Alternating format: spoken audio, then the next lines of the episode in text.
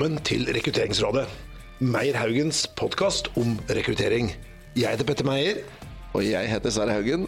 Dette er podkasten hvor vi samler smarte folk for å drøfte hvordan vi kan gjøre rekruttering bedre. Tematikken for dagens podkast er det trangeste nåløyet. Og vi har med oss organisasjoner som, eh, hvor det er vanskelig å bli ansatt. Så skal vi se om det er noen eh, ting kan lære av deres erfaringer. I tillegg så har vi et tema som er eh, maktbalansen i rekrutteringen. Sverre? Ja, for det er jo sånn at I de fleste rekrutteringsprosesser så er, har arbeidsgiver all makt. Som arbeidsgiver så kan vi teste folk, vi kan prøve det ut, vi får se på CV, vi får masse info, vi kan hente referanser og finanssjekk osv. Mens arbeidstaker har veldig lite makt. Og så er spørsmålet er det sånn det burde være? Ja, det skal vi få et svar på i dag. Eh, og For å hjelpe oss med dette, så har vi med oss to eh, flinke gjester. Vi har med oss Kristin Ruud fra Thea.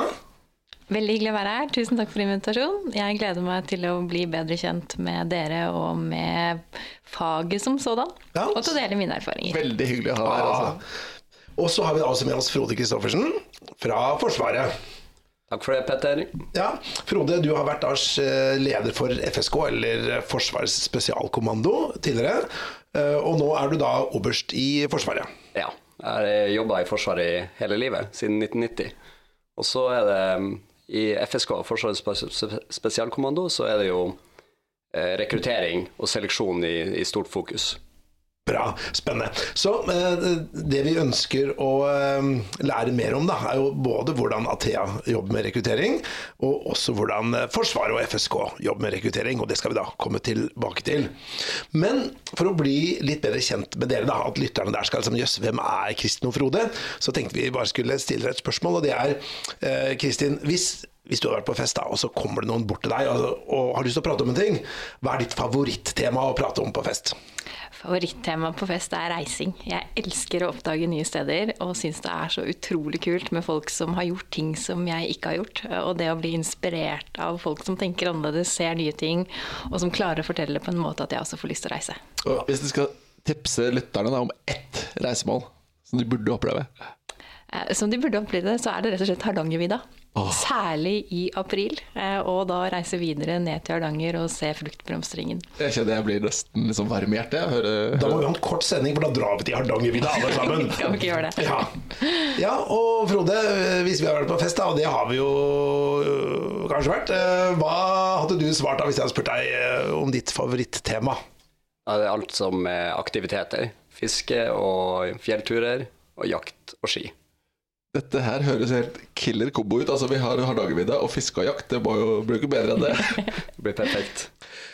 Ja, ehm, eh, vi skal også ha noen dilemmaer som vi skal eh, ha på slutten av sendingen vår. Og da skal vi utfordre både dere lyttere, men også gjestene våre i studio. Sverre, kan ikke du si litt om hva slags dilemmaer skal vi prate om i dag? Jo, og vi sier jo nå sånn at dere får tid til å tenke dere godt om, og så kan dere ta dere med dere tankegodset inn i denne praten videre. Men det er tre dilemmaer dere får, som dere skal svare på etter sending. Eller mot slutten av sendingen. Det ene er vil du helst ha en kandidat hvis du jobber med rekruttering? Vil du helst ha en kandidat som har jobbet samme sted hele livet? Eller en kandidat som har byttet jobb ofte? Det er det ene. Det andre spørsmålet det er hva er det som er viktigst? Er det motivasjon, eller er det erfaring? Og det tredje dilemmaet er nå igjen, da, hvis du skal ansette, vil du helst ansette en person som ber om tilgivelse, eller en som ber om tillatelse? Uh, og dette skal dere få lov til å tenke på, og så skal vi ta en diskusjon på det helt til slutt. Bra. Og igjen utfordrer også dere lyttere til å tenke gjennom hva ville dere gjort hvis dere måtte velge da kandidater som hadde det ene eller det andre.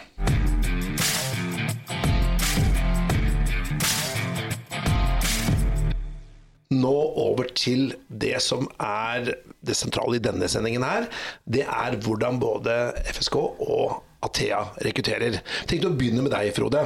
Uh, i hvert fall når jeg uh, var i militæret, så var det som FSK var liksom det aller heiteste og kuleste man kunne gjøre. Og jeg var usedvanlig langt unna å komme inn på FSK. Altså, virkelig. Jeg, jeg måtte gå på noen befalsgreiene i Stavern i Luftforsvaret. Så det var ikke helt FSK-style over det. Men kan ikke du fortelle meg, hvordan jobber man med opptak til FSK? Opptak til FSK er veldig hardt. Skal, FSK trenger de beste soldatene i, i landet. og utdanne de beste soldatene i verden. Um, men det du, det du snakker om der, da, eh, statusen til FSK, det er jo nøkkelen til rekruttering òg. For å få de riktige søkerne, så må du ha en høy status. Du, det produktet må selge seg sjøl. Så at um, det renommeet FSK har, det er kanskje det viktigste for å rekruttere de riktige kandidatene. Men, men Frode, du sier dette med best i verden. Er det, hva, hva, hvordan kan du liksom hevde det? For det er en bold statement. Ja, det er bold statement, men det, det, er, i hvert fall, det er i hvert fall ikke feil. Om det, om det, er 100 riktig, det, det, får andre vurdere. Men det, det, er ikke, det, er ikke, et feil statement. Det er vanskelig å, ja, vanskelig å, bevise at det er feil, i hvert fall. Vanskelig å bevise at det er feil òg, og det er også noe som, som, FSK har blitt dratt fram på etter operasjoner i Afghanistan eh, spesielt. Da. At, eh, som verdens beste spesialsoldater. Men vi, vi, snakker jo nå her om et, et, et trangt nåløye. Hvor mange er det som liksom er i opptak, og hvor mange er det som faktisk får plass?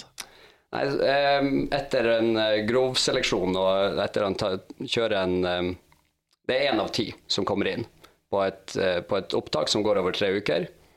Og så blir det fulgt opp av, en, av et års med, med utdanning. Der eh, hovedretninga er annerledes, for der, der, ønsker vi å hjelpe de til å bli gode nok.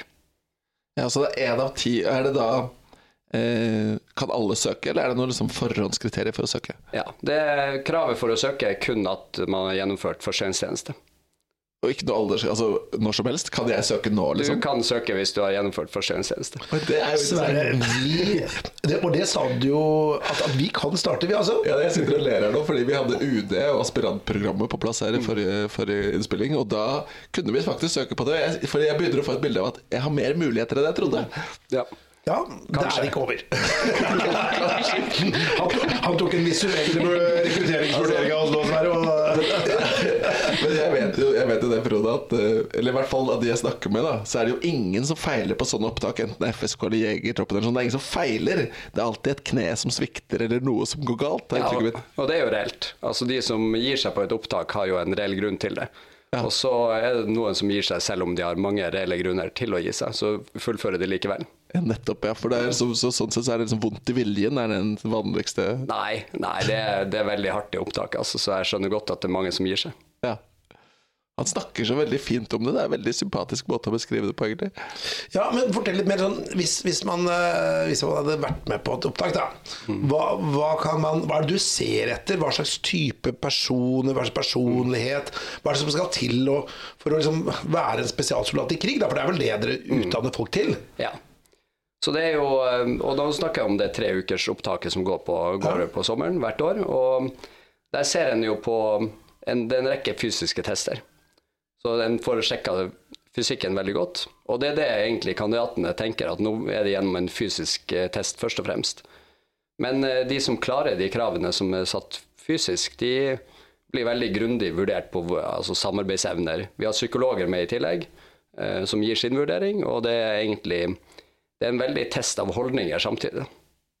Og den testen av holdninger, hvordan gjøres den? Er det, ser dere på atferd, er det et intervju, eller er det en psykometrisk test? Mm. Nei, det er jo først og fremst eh, observasjoner underveis i, de, i lagsamarbeid. Så får en sett på hvem som er villig til å bidra for laget, og hvem som ikke er det. Og så er det også psykologiske tester, som man, de leverer skriftlige tester, sånn at en får en psykolog, psykologvurdering av dem. Um, og det er også et intervju. Og intervjuet er, Som sjef FSK så har jeg jo jeg lagt veldig vekt på intervjuet de siste, siste åra, når jeg satt som sjef. Det kommer på slutten av, av opptaket. De kandidatene er veldig slitne. Og det intervjuet er veldig beskrivende om hvordan, hvordan de har gjennomført uh, testen. Så det, det stemmer godt, godt, overens med mitt inntrykk ved, etter intervjuet, med det som jeg har sett at, uh, at kandidatene har gjort gjennom, gjennom tre uker. Så vi, når vi snakker, og, og, og, de fleste har jo et bilde av denne, denne opptaksprosessen, og det er lite mat, og det er fysisk, som du sier, mm. så har du altså på slutten av dette et intervju. Ja. Da må du jo ha hørt litt forskjellige rare ting som ble sagt? ja, ikke noen eksempler, men, men, jeg vil bare si at den, det opptaket er jo også en eh, kvalitetssikring av kandidater for ett helt år med utdanning og seleksjon før de blir spesiallegere i operative FSK. Ja. Men eh, Kristin, vurdert, har du vært i Forsvaret, eller har du vurdert å være i Forsvaret? Jeg har ikke vært i Forsvaret, og heller ikke vurdert det. Men kanskje jeg skal vurdere det nå? Ja, for det var jo åpen for alle. Apropos det, så, så leste jeg at det var en sånn egen jentetropp, altså Jegertroppen, stemmer det? At for kvinner, har dere Ja. den fortsatt?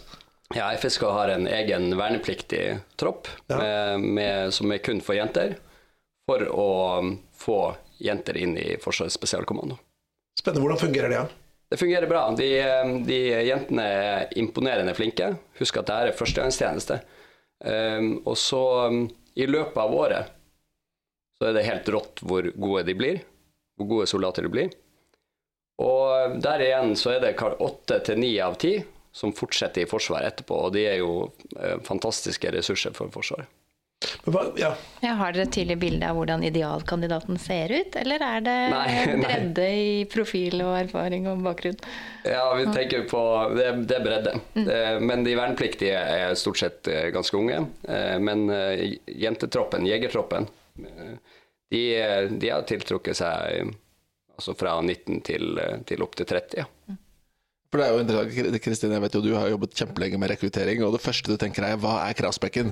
Eh, Så det er jo interessant. Og eh, hvis du skulle prøve å oppsummere det, da, hvem er liksom den ideelle? Hvem er som lykkes? eh, ja, vi deler inn i egentlig tre ting. Da. Er fysikk, ferdigheter og holdninger. Og så tenker vi at vi får til eh, å teste fysikken, selvfølgelig. Og vi ser på holdninger i løpet av opptaket. Men ferdighetene, det klarer vi å lære de. Hire for attitude, train for skill. Mm, Hire for attitude, train for skill. mm, ja, Ja. ja. Det er egentlig tanken bak. Men det som er litt spennende, da, det er det man kaller prediktiv validitet da, innen rekrutteringsspråket. At altså Forsvaret har dere har holdt på med dette siden slutten av 70-tallet, eh, så vi. Og så har du da hatt den, dette opptaket i, i mange år, og ser også litt hvilke folk som funker. Du som er, måtte, Har du det hva skal jeg si, det FSK-blikket, så du kan se med ganske høy grad av sannsynlighet hvem som vil klare seg og ikke? Eh, ganske tidlig i seleksjonen så har, har jeg en, en viss formening, men ikke, på, ikke fra dag én, nei. Der er det veldig mange overraskelser underveis. Ja. Ja, Positivt eller negativt? At noen er bedre eller dårlig? Eller Nei, hvordan? altså begge veier, da. Så en, en ser, ser, klarer ikke å se fysisk på folk hvordan de kommer til å gjennomføre seg, eller klare seg gjennom opptaket. Det gjør ikke. Hvilke deler av opptaket er det som liksom er best på å skille Clinton fra Veten? Hvor er det flest? Hvor ser du det først, liksom? Um, jeg syns jeg ser det best når det begynner på For det er egentlig en, en todelt sak. Først er det individuelle tester. Og så når det kommer til lagarbeid, samarbeid i lag, så, så er det ehm, For det første så er folk ganske slitne allerede. Og så skal og se at de som Altså det her, her er det muligheter for å lure seg unna, tror noen. Og, da, og de faller jo igjennom. Ja, så, så de undervurderer viktigheten av teamarbeidet, da. Ja, det er absolutt. De som, de som ikke kommer inn. Eller kanskje de ikke har den egenskapen at de klarer å leve seg inn i, i samarbeidet som er nødvendig for å få til oppgaven. Ja. Spennende. Men um, det, noe av det som er temaet vårt i dag, er jo dette med hva skal jeg si, maktbalansen i rekruttering. Og i Forsvaret så er det jo, går det jo mye én vei. At eh, Forsvaret dere ber jo folk om å være der i ukevis, og, og de skal, de skal måtte bli testet på det aller mest, altså det mest altså, de, de tror liksom at du skal dø, du får ikke nok mat eller søvn eller Det er ganske strabasiøse ting. altså det er Ekstremt strabasiøst. Um, men, men eh, kandidatene får vite ganske lite om dere, da, hva de går til. Litt sånn, litt sånn, kanskje litt sånn skjev maktbalanse. Hva er bakgrunnen for en sånn måte å gjøre det på? Ja, det er jo um, Det er sant, det du sier der. Altså, de får, vi tester de for um, um, de, får, de vet lite, og de vet egentlig eh, Vi informerer ikke veldig mye om jobben eh, i utgangspunktet, men vi må jo rekruttere, vi òg. Så det er der jeg mener at renommeet til FSK er det viktigste for å fordi at de søker jo frivillig, ikke sant. Og vi har veldig god FSK har fortsatt veldig, veldig god søknad, og det er egentlig stigende. Um, og der tror jeg renommeet til FSK er, er det viktigste. Den jobben du gjør. Um, og så kjøres det jo rekrutteringskampanjer, men stort sett på forsvaret.no gjennom Forsvarets egen rekrutteringskanal. Der, der har jo Forsvaret gjort et kjempeløft med de kampanjene for alt vi er, og Ja. hva ønsker vi å opp, oppnå med alt dette? Absolutt ingenting. Det er fantastiske kampanjer, syns jeg. Men, men eh, et spørsmål rundt dette, for det er jo interessant dette med renommé. ikke sant? Det er jo som sagt, du, du kan ikke gi så mye informasjon, du kan ikke si noe så mye om det, men likevel så får du søkere. Og det er en veldig sånn høystatus, tror jeg, å komme inn på disse greiene. i seleksjonsprosessen, det er én av ti som kommer gjennom, hvor mange av de som går ut, velger å slutte? Og hvor mange av dem er det du eller dere som må gå og si at 'sorry, men du er ikke god nok'? Ja, det, ja igjen, det er, en, altså, det er nesten alle som gir seg sjøl. Altså, det, vi trekk, det er veldig sjelden vi trenger å ta noen ut av, av opptaket. Så, så dere trenger liksom ikke si til folk at de skjønner det selv. Det har jeg jo tenkt så vidt det hadde vært sånn for oss òg, Kristin, i rekruttering. Høres behagelig ut. Ja. Ja, og så er det jo, er det jo en, det, ikke sant? det er mye erfaring med opptaket nå, og de psykologene er med også, sånn at du ser jo Det blir jo en erfaring på hvor, om opptaket fungerer i forhold til leveransen. Da. Og da um, gjør vi egentlig ikke store endringer fra år til år. Så vi, skal, vi kan diskutere dette litt mer, men vi har lyst til å snakke litt mer om eh, den andre gjesten vi har i studio i dag, som er Kristin. For du har jo jobbet mange år med rekruttering, Kristin, i spennende bransjer hvor det er veldig vanskelig å få, få tak i folk. Og så hører vi jo nå en prosess i Forsvaret hvor, vi, hvor egentlig Forsvaret ber om mye fra kandidatene som søker. De, og de faktisk, og nå setter jeg det litt på spissen, Frode, men de presser de så hardt at de skjønner selv når de må gi seg. Mens i et veldig trangt marked så kan man jo lure på kanskje det er lurt å liksom gi litt mer makt til kandidaten, da, gitt denne maktbalansen. Og, og dere i Athea har jo gjort det. Kan ikke du si litt først, Kristin, bakgrunnsmessig, hvor er du, hvor er det du kommer fra, og hva gjør du nå? Ja, eh, jeg jobber i et selskap som heter Athea, som er et teknologiselskap. eh, Hvor eh, mye av det som jeg har drevet med hele tiden, er i fokus. Jeg jobber med teknologi av og for mennesker, hvor vi ser på hvordan er det vi kan bygge Norge med IT, men eh, være med på å legge til rette for en bedre skole, et bedre helsevesen, et eh, sterkere politi og et tryggere forsvar. Eh, Og i den sammenhengen se på hvordan man bruker teknologi som verktøy. Så jeg har jobbet med å finne talenter til bransjen over mange år. Syv år i Microsoft og nå halvannet år i Athea. Eh, Og det som jeg syns gjør eh, bransjen veldig spennende, er nettopp det at det er en utvikling som går i en rasende fart. Eh, Så den kompetansen som du har i dag, er gjerne utdatert i morgen. Og det å ikke nødvendigvis bare se på CV-en, men finne ut av evnen du har til å lære å lære, og hvor, i hvor stor grad du har nysgjerrighet som drivkraft, er mye av det som vi ser etter i rekrutteringsprosesser. Eh, og som bransje så er vårt hovedfokus å bygge kompetanse for de, menneskene som vi har ansatt per i dag. Fordi Norge er utsolgt på digital kompetanse, så det er ikke sånn at det bare er å bytte ut, men, men hovedfokuset er å bygge kompetanse i eget hus. Så de vi rekrutterer, skal bringe inn noe nytt. Og derfor har vi vært veldig fokusert på eh, For å finne ut av hvordan du bringer inn noe nytt, så har vi ønsket å legge til rette for en intervjusituasjon der du er komfortabel. Eh, og hvor du opplever trygghet og mestring, og hvor vi klarer å gjøre nåløyet veldig trangt, men nettopp å finne ut av hvor, i hvor stor grad du er nysgjerrig, og i hvor stor grad du klarer å vise frem hvem du er. Eh, Så istedenfor å kjøre det gjennom et løp hvor du kan google deg frem til hvordan lykkes på et jobbintervju, eh, så har vi snudd jobbintervju på hodet. Eh, Så vi rekrutterer med et omvendt intervju. Dette høres jo kjempespennende ut, da. Men omvendt intervju, altså tradisjonelt intervju hvor man da La oss si jeg er rekrutterer og spør deg, og du svarer. Så fortell litt, hvordan bygger man opp et omvendt intervju? Eh, I et omvendt intervju så er det kandidaten som stiller spørsmålet, og leder som svarer. Eh, Og så er ikke det sånn at det er bare kandidaten som velger oss. Vi vurderer kandidatene ut ifra de spørsmålene de stiller. Eh, Så sånn sett så får du et veldig tydelig bilde av hvor nysgjerrig kandidaten er. Hvordan kandidaten har tilegnet seg læring. Hvilke utfordringer kandidaten ser, og hva kandidaten bringer inn av nye perspektiv. Eh, Så for ledere så innebærer det at de må forberede seg til et intervju på en helt annen måte. De er mer bevisst på hva de skal se etter enn det å gå på autopilot. Eh, Og for kandidaten så ser vi at det å snakke seg gjennom CV-en sin, gå i de klassiske svake, sterke sider, hva har du gjort, hvilke valg har du tatt, eh, innebærer at også kandidaten må forberede seg på en helt annen måte. Eh, Og vi ser at maktbalansen sånn sett virker positivt inn, fordi kandidaten er i føringen og er sånn sett på en måte tryggere på settingen. eh, Og opplever at det er mer forutsigbart, men det er da på bakgrunn av hvilke spørsmål kandidaten stiller og den dialogen det legges opp til, at vi ansetter. Og det er jo veldig spennende, fordi dette er jo å tenke nytt, og det liker jeg veldig godt. Og så snakker du om ledere og liksom forberedelse og sånn. og det Det er lett å se for seg at hvis lederen slipper å forberede seg, men bare skal svare på spørsmål, så det, det må jo være veldig bra for ledere som aldri har tid til å forberede seg uansett. Eh, vår opplevelse er i hvert fall at ledere forbereder seg bedre enn noen gang. Eh, fordi at man har ikke lyst til å bli tatt med buksa nede eller sitte og ikke være, kunne svare på spørsmål.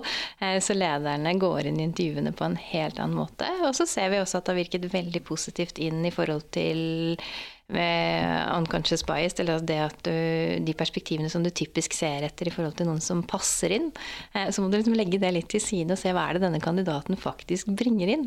Eh, og hvilke perspektiv, hvilke spørsmål var det jeg ikke kunne klare å svare på.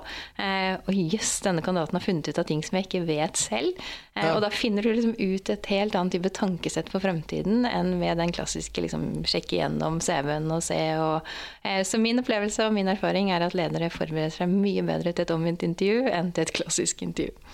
Har, har, du hatt noen ledere som sier at nei, det er for dumt, dette gidder jeg ikke være med på? Helt klart. Eh, og så ser vi at det går på trygghet og på eh, opplæring og det å skjønne hva det egentlig går ut på. Eh, den første var litt sånn gjør vi dette her bare fordi at kandidaten skal velge oss, står det så dårlig til? Absolutt ikke. Dette er fordi at vi ønsker å vurdere kandidatene på en annen måte. Vi opplever at kandidatene er tryggere inn i intervjusetning og får vist seg frem på en mye bedre måte.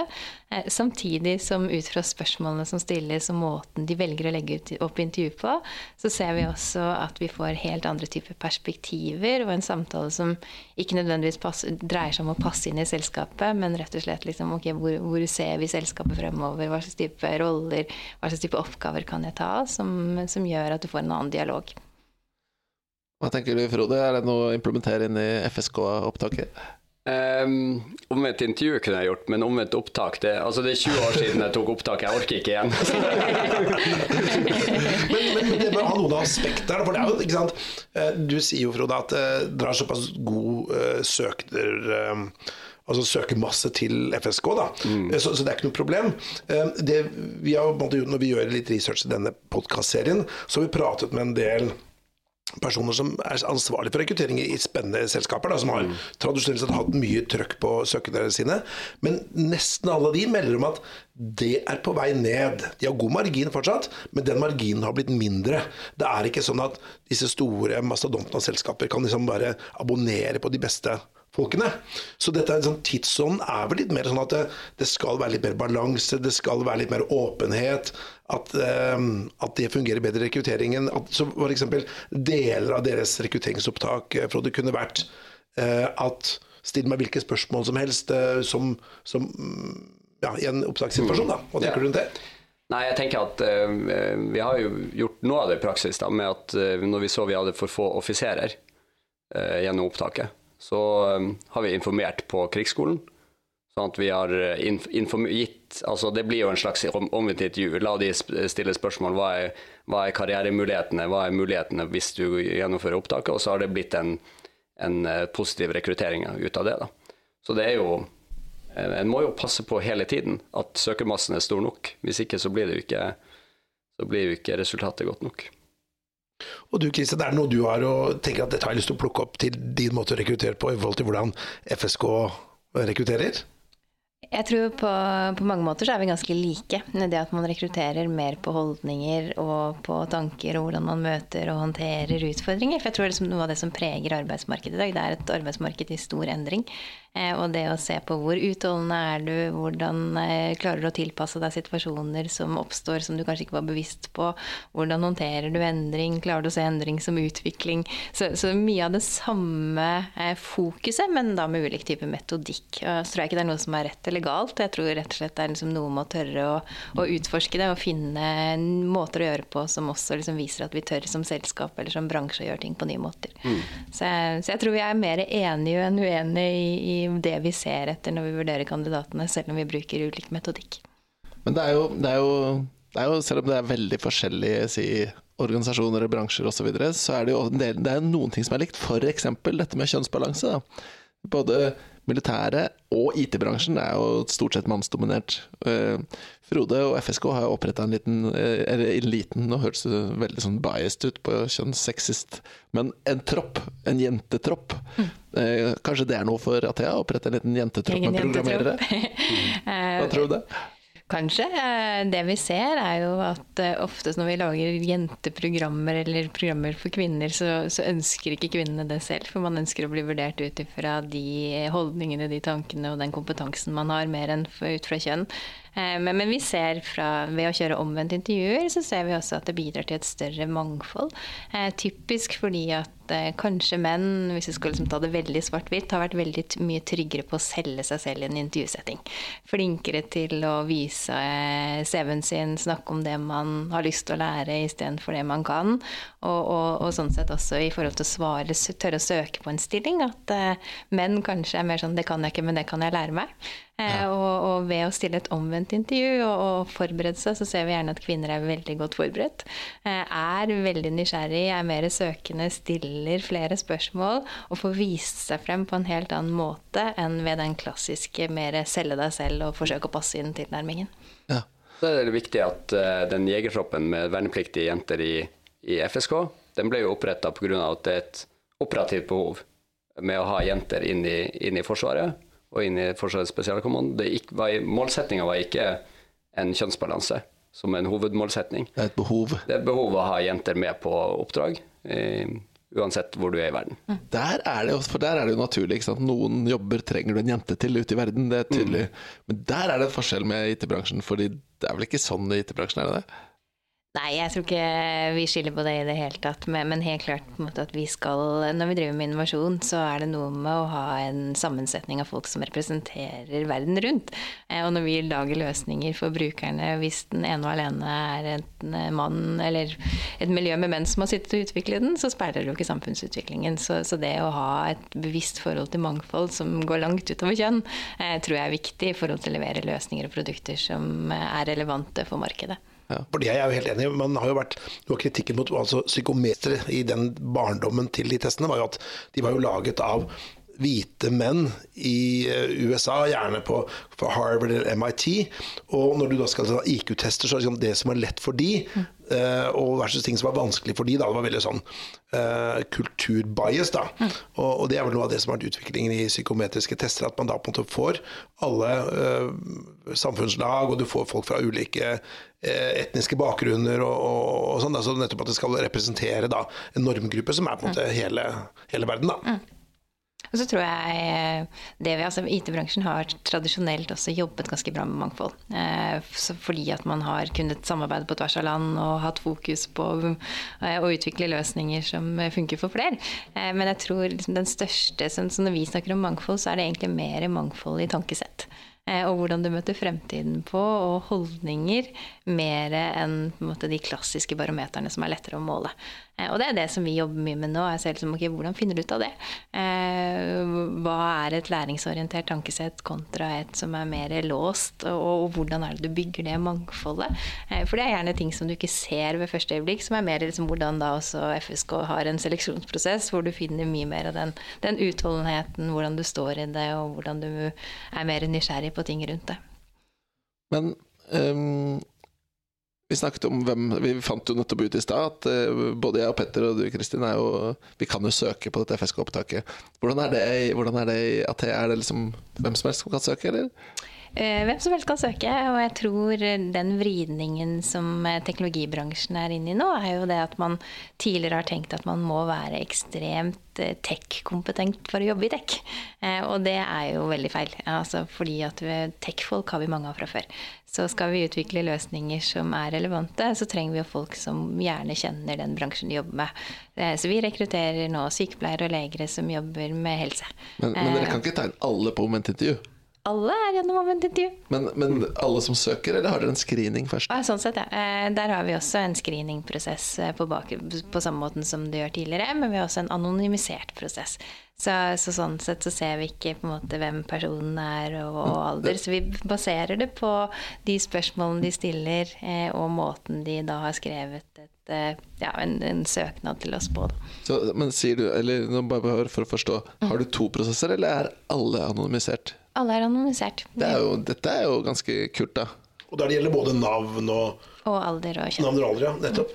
For det, det har jo vært en, en, en serie i Aftenposten nå de siste dagene rundt dette med anonymisering av, av uh, kandidater. da. Mm. Og, og, Hensikten her var jo i forbindelse med, med etnisitet. da. Mm. Men, uh, og det er jo selvfølgelig en, en viktig ting, og, og, for det er jo uh, det er mye hva skal jeg si, ja, bias rundt dette. Men en annen bias som vi ser, det er jo dette med alder. Det er jo, sant, Er du, er du liksom i 60-årene, så er det jo mange som mener at da er det vanskeligere å få jobb. Hva tenker du da? Eh, når vi rekrutterer da på tankesett, eh, så mener jeg at det er helt aldersubetinget. Eh, så, så, du kan være 22 og ekstremt låst i tankesettet ditt, og du kan være 63 og ekstremt fremoverlett.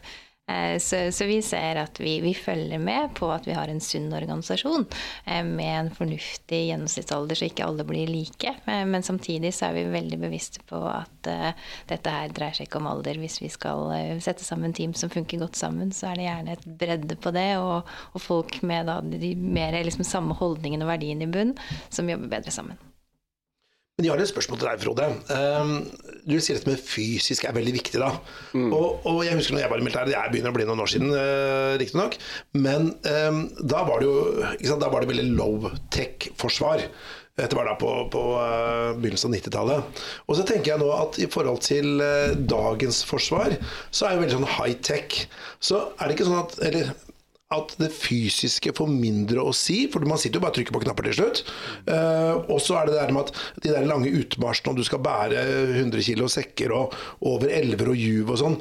Altså, Er det ikke bare å sende en drone av gårde eller noe satellittovervåkning? Og, altså, Er den, den, fysiske delen mindre og mindre viktig, for å være litt mer presis, da?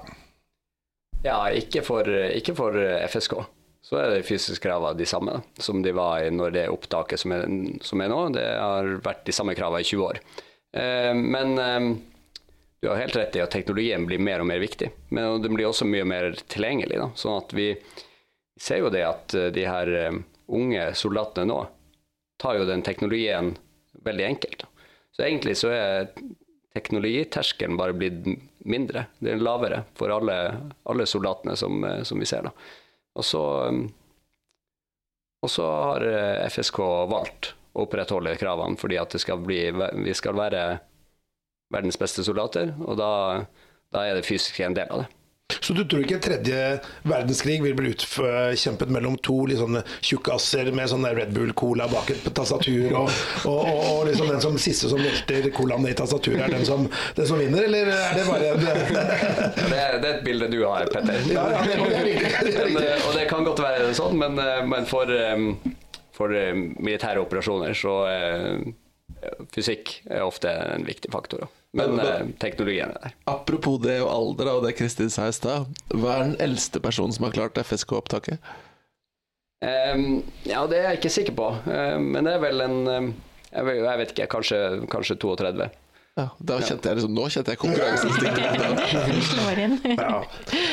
Jeg tenkte vi skulle gå over til uh, litt uh, dilemmaer, Sverre.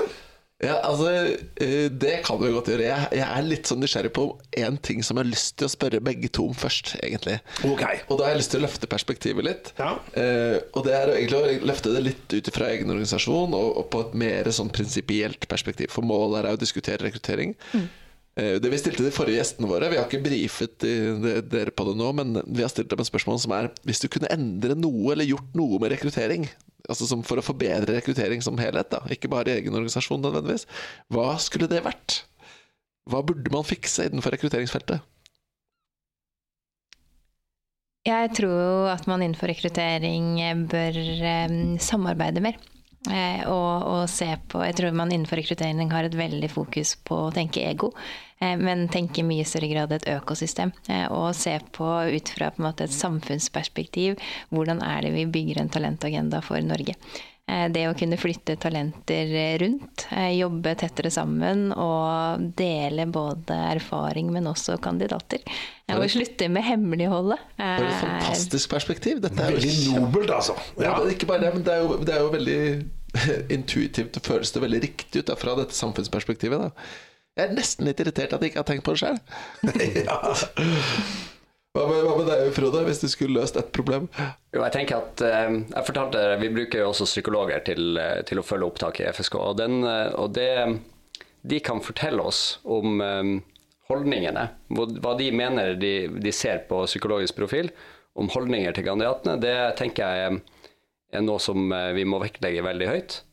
Eh, fordi at det har jeg sett igjen i, i jobben senere. Holdning er ekstremt viktig, og kanskje ofte litt underfokusert. Så et større fokus på det? Ja. Husker du bare sånn i farta, husker du, eller vet du hvilke tester eller testleverandør dere bruker på dette? Vi bruker Forsvarets psykologer. Aha, selvfølgelig. De har jo sine egne. Mm. Ja. Men nå er det mulig med noe dilemma nå, da, dessverre. Jeg skal bedre med dilemmaet, jeg lurer på det selv. Da skal vi ta dilemmaet.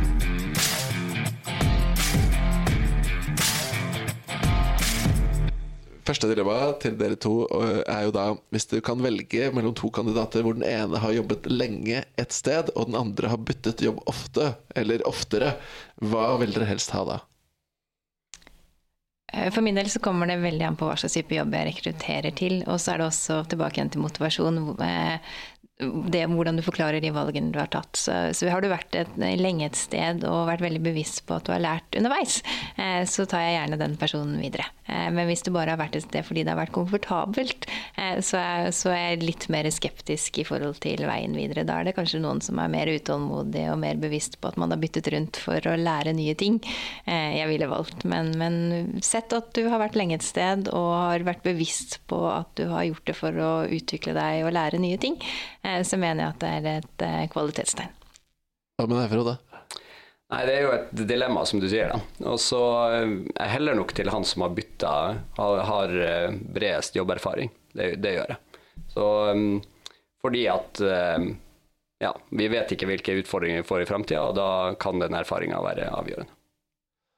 Bra, det syns jeg var gode svar. Absolutt. Det som er spennende, da, det er at Frode, du har jo hatt egentlig samme arbeidsgiver eh, Forsvaret i Siden 1990. Ja, siden, i, for du er 71 år i gang. Ja. Ja. Og, eh, og, eh, det er altså den gylne 71-årgangen. Og at samme arbeidsgiver. Og, og, så, eh, og, du ville gjerne at man skulle bytte litt, selv om du har gjort veldig mye forskjellige ting innen Forsvaret. Og så er det litt morsomt at du, Kristin, som har som svart at nei, du vil gjerne at de skulle være lengre Du har hatt flere spennende jobber i store, anerkjente organisasjoner. Så de er litt sånn uh, Vi diskuterte litt på forhånd, tenkte vi kanskje det er ikke sikkert dere velger akkurat det. Men det, ja, det er litt spennende. Det er litt spennende. Og så er det neste spørsmålet. Det dilemmaet da, ikke sant? hva er viktigst? Er det at kandidaten er supermotivert, eller at den har rett erfaring? For min del helt klart at kandidaten er supermotivert. Um, motivasjonen, ja. Den, um, den er viktig. Så får vi heller lære de ferdighetene som trengs, da. Jeg syns dere er veldig flinke til å velge nå. Det, ja. det, det, er veldig bra. Men bare for å utfordre litt på det, da. Kunne man da, hvis begge sier at motivasjonen er det viktigste, kunne man ikke da bare ha en ekstremt presis motivasjonstest, da? Og så kunne man se sånn, droppe utdanning, man dropper kursing, droppe arbeidserfaring. egentlig. Bare kunne man si at Hvis du er ekstremt motivert, da, så og, det ser man en del eh, hva skal jeg si, store konsulentorganisasjoner. De sier at motivasjon og at du er smart. Mm. Har du de to tingene, smart, er du smart og motivert, mm. så er det de tingene som predikerer i veldig stor grad da, mm. om du vil lykkes i jobben eller ikke. Hva, hva hvis, hvis, du legger på erfaring, så blir det enda bedre, tenker jeg. Ja, det er riktig. Men hvis du må, allike må velge, da, hvis du på en måte skulle skrelt ned litt, så er, det, er du smart og, og ha, er motivert. Kommer du langt i FSK da? Eh, ja, da kommer du langt. Og i ATA kommer du langt da? Jeg, jeg tror Ta, ta dilemmaet som sådan. Hvis du har masse erfaring, men ikke er motivert, så kommer du ikke langt. Men hvis du eh, eh, klarer å sette de sammen, helt klart det beste. Og jeg tror liksom, sånn sett så betyr en utdanning det at du har lært å lære. Eh, og at du klarer å enkelt tilegne deg det. Og klarer på en måte å vise begge deler, selvfølgelig. Da kommer du lengst. Så er jo det interessante med motivasjon. Det er jo, jeg gjør jo en del coaching av jobbsøkere, og det er jo det, det er så lett å si at jeg er motivert. Mm. Så, så der kommer jo på en måte kanskje vi kan lære litt av FSK, da, som faktisk har denne litt tøffe opptaket hvor alle egentlig skjønner at de skal slutte. Og, selv, og, de som lykkes, er de som, selv om de har vondt, er motivert nok til å fullføre. Da. Mm. Um, vi hadde et tredje dilemma, og nå må dere altså velge mellom en kandidat som enten er typen som ber om tillatelse, eller den som ber om tilgivelse. Hva tenker du, Frode? Deg først nå. Ja, Da um, velger jeg kandidaten med initiativ, så han som ber om tilgivelse. Selv i Forsvaret? Mm, selv i Forsvaret. Og Kristin? Akkurat det samme. Litt kjedelig å velge det samme, men helt klart. Jeg tror eh, man trenger folk som tenker nytt, som tør utfordre, og som eh, evner å, å, gjøre ting fortere enn det man blir bedt om å gjøre. Eh, så sånn sett helt klart kandidaten som ber om tilgivelse og ikke tillatelse. Ja, hva ville du hatt da, Petter? Åh, oh, Godt spørsmål. Jeg tror nok jeg, jeg ville nok falt ned på den som uh, til slutt må krype til korset og be om uh, tilgivelse. Uh, det å på en måte ta initiativ, for ting går så fort. Du har ikke tid til å avklare alt med alle. Men det fordrer jo at du har ansatt riktige folk. For du er jo ikke på jakt etter noen sånn helt løse kanoner på dekk som kan ødelegge mange års arbeid i forhold til sånn employer branding, eller, eller hvis man jobber da med hva skal vi si, sensitiv informasjon. Men jeg vil nok heller ha en person som tar et initiativ for mye enn et for lite. Det, det er jeg nok enig i. Og Der er det også litt tilbake til rolle. Det er klart at eh, vi holder det til juridiske perspektiver har en, eh, med veldig kreativ regnskapsføring, så er det ikke nødvendigvis ok å be om tilgivelse. Nei. Så det er jo, kommer an på, på hva slags type roller og konsekvenser ja. man ser men, på. Jeg, jeg, hører hva du sier, Kristin, men det eneste jeg legger merke til, var Petter svarte, så jeg noterer meg at jeg egentlig har carte blanche til hva jeg vil. ja. Det gjaldt ikke deg, da. Det var sånn generelt. men, skal vi Men bare for å oppsummere dilemmaene, da. Så eh, en person som da ønsker som tar initiativ, og må kanskje be om tilgivelse hvis det ikke funker. Som har masse motivasjon. Og så var det litt delt på dette her, å jobbe ett sted eller jobbe flere steder. Men det tegner seg ut liksom, liksom en kandidat som man da kunne tenke seg å ansette her, da. Bra. Tenkte vi skulle gå litt inn for landing, eh, Sverre. Er det noen ting du har lyst til å si på tampen? Jeg har lyst til å si ja, jeg er veldig glad for at dere kom hit for å prate litt med oss. Det var veldig morsomt å ha dere her. Eh, og, og, veldig gøy å se at man kan lære faktisk mye av begge to. Så tusen, tusen hjertelig takk. Og så håper vi da lytterne har eh, noe å lære også, og at gjestene i studio kanskje har lært noe. Så da takker vi for oss og ønsker eh, lykke til med rekruttering, happy hunting, og så høres vi om ikke altfor lenge. Ha det bra.